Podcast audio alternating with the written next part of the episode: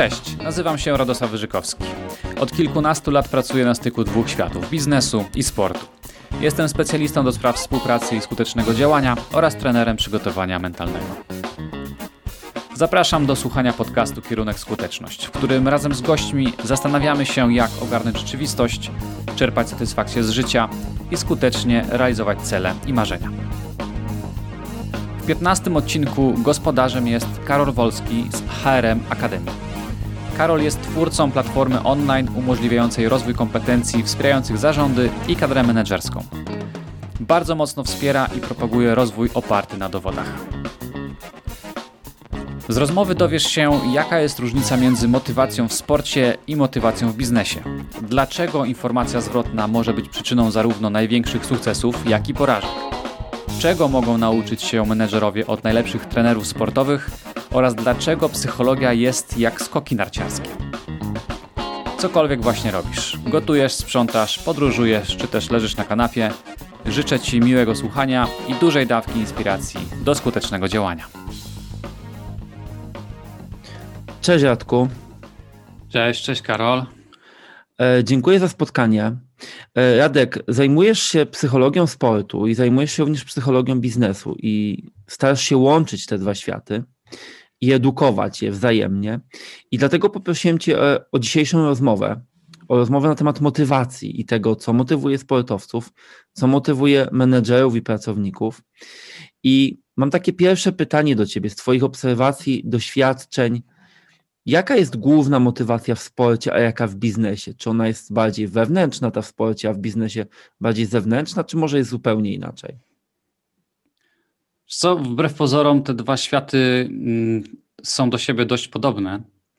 I podobnie tak jak w biznesie staramy się, e, przynajmniej powinniśmy się starać, żeby walczyć o to, aby było więcej tej motywacji wewnętrznej, to podobnie jest w sporcie. Może tylko początki są inne, chociaż z drugiej strony, wiesz, jakby jak rozmawiam i pracuję ze sportowcami indywidualnie, e, ale też jak mam okazję podglądać pracę klubów, to widzę, że jakby ta, tej motywacji wewnętrznej z prawdopodobnie wiadomych przyczyn jest więcej u młodych zawodników.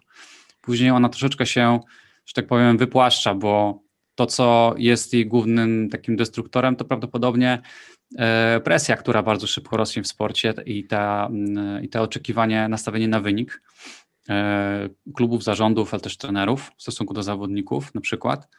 E, oraz fakt, że y, jakby zarobki i e, pieniądze rosną bardzo szybko, a, a z nimi zmienia się też nastawienie i, i to, co sprawia, że nam się e, chce i powody, dla których nam się chce robić pewne rzeczy.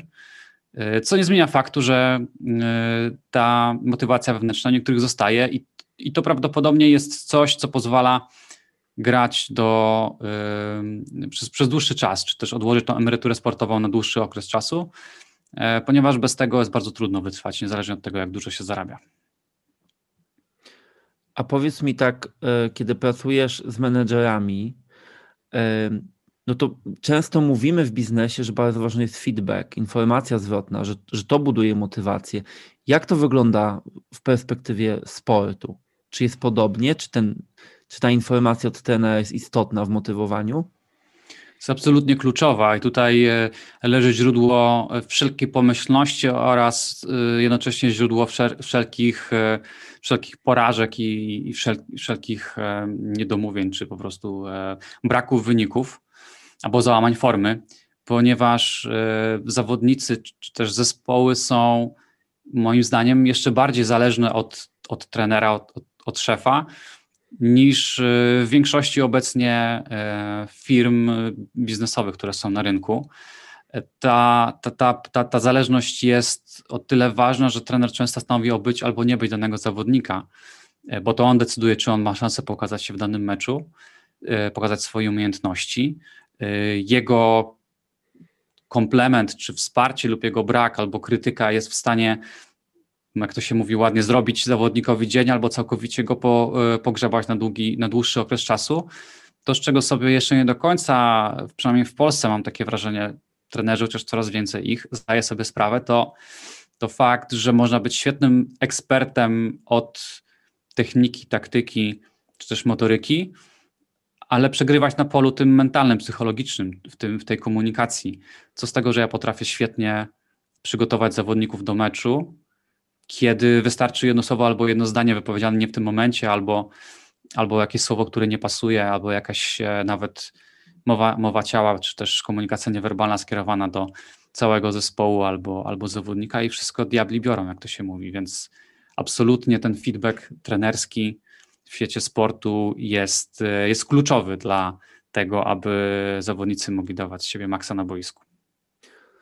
No to bardzo mi się to kojarzy, to co mówisz właśnie też e, z biznesem, że często menedżerowie, szczególnie ci, którzy wywodzą się z takich bardzo merytorycznych obszarów, nie wiem, inżynierii, programowania, no wszystkich tych eksperckich obszarów i, i awansują, często są świetnymi ekspertami, dalej są mentorami gdzieś jakby w zakresie, wiesz, technologii. E, natomiast no, dużo jakby pozostaje do zrobienia w tej sferze komunikacji. I czasem słyszę, wiesz, od pracowników, że no mam szefa, który jest genialnym specjalistą, ale no nie chcę tu używać, wiesz, brzydkich słów, ale za miły to on dla mnie nie jest, tak? Zgadza się. Wiesz co, ja ostatnio zacząłem tak pół żartem, pół serio mówić, że ponieważ my w szkole nie mieliśmy zajęć typu komunikacja interpersonalna, rozwiązywanie konfliktów, e, nie wiem, jakieś negocjacje społeczne czy, czy handlowe, cokolwiek, to, to, to prowadzi nas do dwóch wniosków. Albo nie jest to nam w ogóle potrzebne, dlatego się tego nie uczymy, albo jesteśmy już tak dobrzy, że nie potrzebujemy się tego uczyć. Prawda jest jeszcze gdzieś indziej, ponieważ y, my jesteśmy z tych roczników, akurat Karol, które jeszcze pamiętają tak zwane podwórko, na które się wychodziło i tam działy się tak naprawdę te wszystkie przedmioty, które wymieniłem przed chwilą, bo czy na trzepaku, czy wchodzenie na, na daszki, czy wchodzenie na pole, czy do, czy do lasu, czy po prostu na placu zabaw, tam były wszystkie zwycięstwa, porażki komunikacyjne, z opakami, z dziewczynami i, i tam te przedmioty się odbywały. W momencie, kiedy tego jest mniej, po pierwsze mamy niż demograficzny, po drugie mamy e, wszystko, co to nas odciąga od, od tego przebywania z innymi na zewnątrz, e, sprawia, że już w ogóle nie mamy skąd czerpać tych informacji, tych doświadczeń. Oczywiście byli też tacy, których to dwórko w cudzysłowie zniszczyło w jakiś sposób i potem musieli się odbudowywać, ale wielu z nas takich trochę poobijanych z siniakami wychodziło z, z tych, z tych z tych doświadczeń mocniejszymi sprawiało, że mimo tego, że w szkole tego nie było, to potrafiliśmy się w miarę jakoś odnaleźć. No, oboje jesteśmy, obaj jesteśmy y, trenerami biznesu i doskonale wiemy, jak te kompetencje są ważne. Biznes powoli, mam, mam nadzieję, też się o tym przekonuje, że kompetencji technicznych możesz się, możesz się e, nauczyć po prostu, bo jest to twarda wiedza, którą jakoś do głowy da się wbić. Natomiast z kompetencjami interpersonalnymi jest, wydaje się, troszeczkę insza inszość. No ja się zawsze śmieję, że z psychologią i komunikacją jest jak ze skokami narciarskimi w Polsce, czyli każdy się zna, e, a, wcale to nie jest takie proste i rzeczywiście to bardziej jest kwestia treningu niż takiego uczenia się wiedzy. E, wiesz co, chciałem cię podpytać o taką rzecz, która chyba mnie najbardziej w tym wszystkim interesuje, to znaczy no, ten film, jak dobrze wiesz, zostanie pokazany menedżerom w ramach programu rozwojowego, Czego Twoim zdaniem menedżer może nauczyć się od dobrego trenera, który pracuje w świecie sportu? Od dobrego trenera. Od dobrego trenera. Co takiego ten trener robi? Przychodzi mi do głowy parę przykładów. Podam taki, który. E, zacznę od takiego prawie że idealnego, pod pewnymi względami oczywiście. Sir Alex Ferguson. Jakby osoby, które z, interesują się piłką nożną i mają troszkę więcej lat, troszkę więcej w sensie tam, dobra, powyżej 20, no to powinny kojarzyć tego trenera, który przez 25 lat chyba, plus minus, prowadził Manchester United, czyli e, topową drużynę z, e, z Wysp Brytyjskich, z Anglii, w tamtejszej Premier League. I e, wygrał z tym klubem prawie wszystko, praktycznie wszystko, co się, co się dało, łącznie z, z, z tym niesamowitym finałem Ligi Mistrzów w 1999 roku z Bayernem Monachium.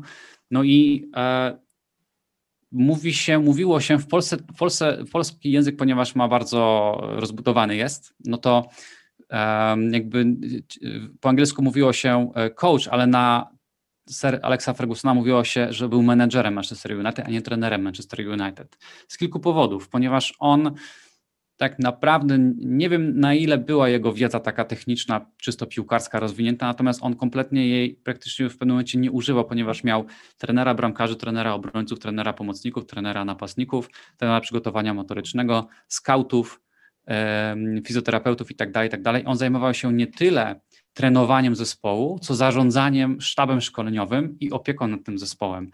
W związku z tym mógł skupić się, bo miał więcej przestrzeni nad takim zarządzaniem strategicznym i relacjami również, czyli jego wnikliwa obserwacja była tutaj kluczowa tego, jak się zachowują e, jego zawodnicy, jak, w jakie interakcje wchodzą ze sztabem szkoleniowym i gdzie pewne luki należy załatać na poziomie interpersonalnym, interpersonalnym przede wszystkim. E, był też oczywiście łącznikiem z, z, tam z dyrektorem sportowym czy, czy zarządem klubu i to powinna być moim zdaniem docelowo przestrzeń, w której powinien odnaleźć się i trener sportowy w Polsce, e, i zarówno taką rolę powinien, w takiej roli powinien docelowo być menedżer czy dyrektor e, w biznesie. Oczywiście łatwo powiedzieć, trudno zrobić, ponieważ każdy menedżer czy dyrektor zasypany jest milionem obowiązków, łącznie z administracją, wykonywaniem pewnie jeszcze tych działań też operacyjnych, więc bez uwolnienia tych zasobów się absolutnie nie, nie obejdzie. Nie, ma szans, żeby móc E, pozwolić sobie na takie swobodne e, spoglądanie na to, jak sobie radzi zespół i, i, ja to mówię, przepalanie czasu na spotkaniach, nawet na pierdoły, bo jakby tego czasu spędzonego zespołem e, nie da się niczym zastąpić w momencie, kiedy nie pracujemy, ale po prostu się z sobą spotykamy i poznajemy się lepiej. To jest czas bezcenny, natomiast w krótkim terminie on kompletnie nie widać jego efektów, natomiast w długoterminowo nie sposób ich prze, przecenić, więc, więc dobry trener ma absolutnie przestrzeń do tego, aby obserwować, obserwować, wyciągać wnioski i, e, i działać na poziomie przede wszystkim interpersonalnym z zespołem.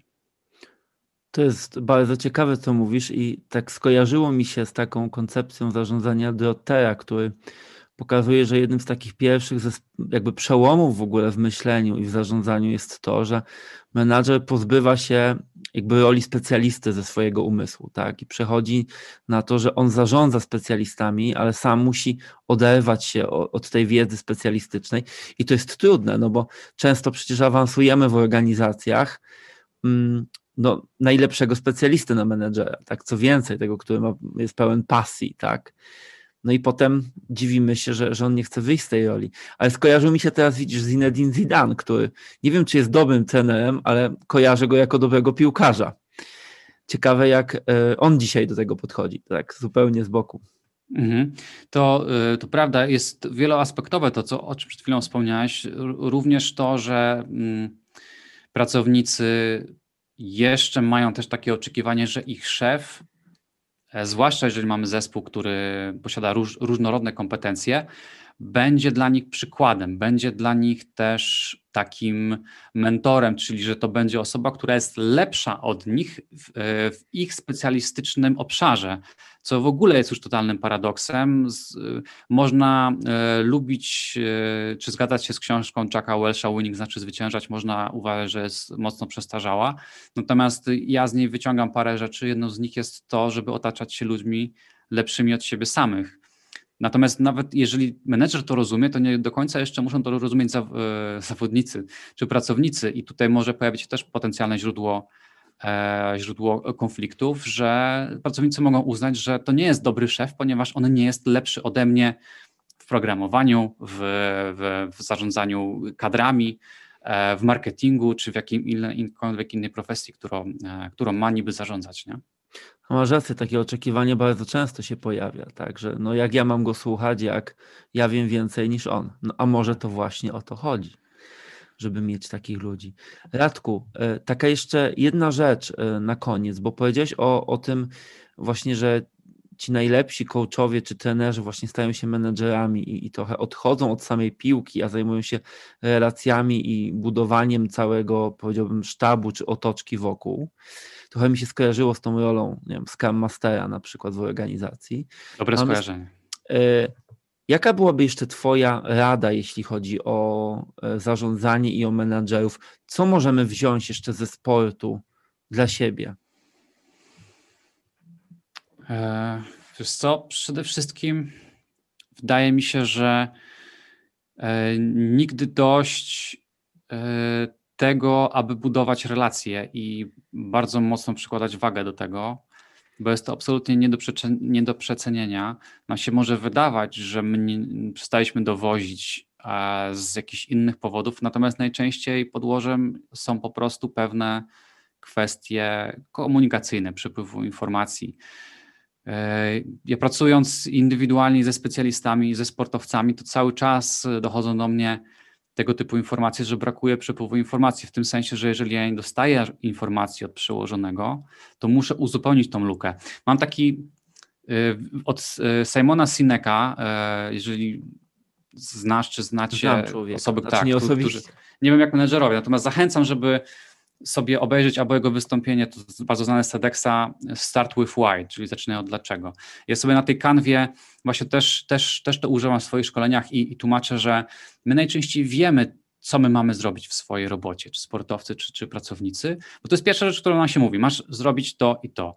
Eee, i, I to jest takie oczywiste, no bo jeżeli ktoś od czegoś od nas wymaga, to pierwszą rzeczą, jaką nam powie, to co mamy robić.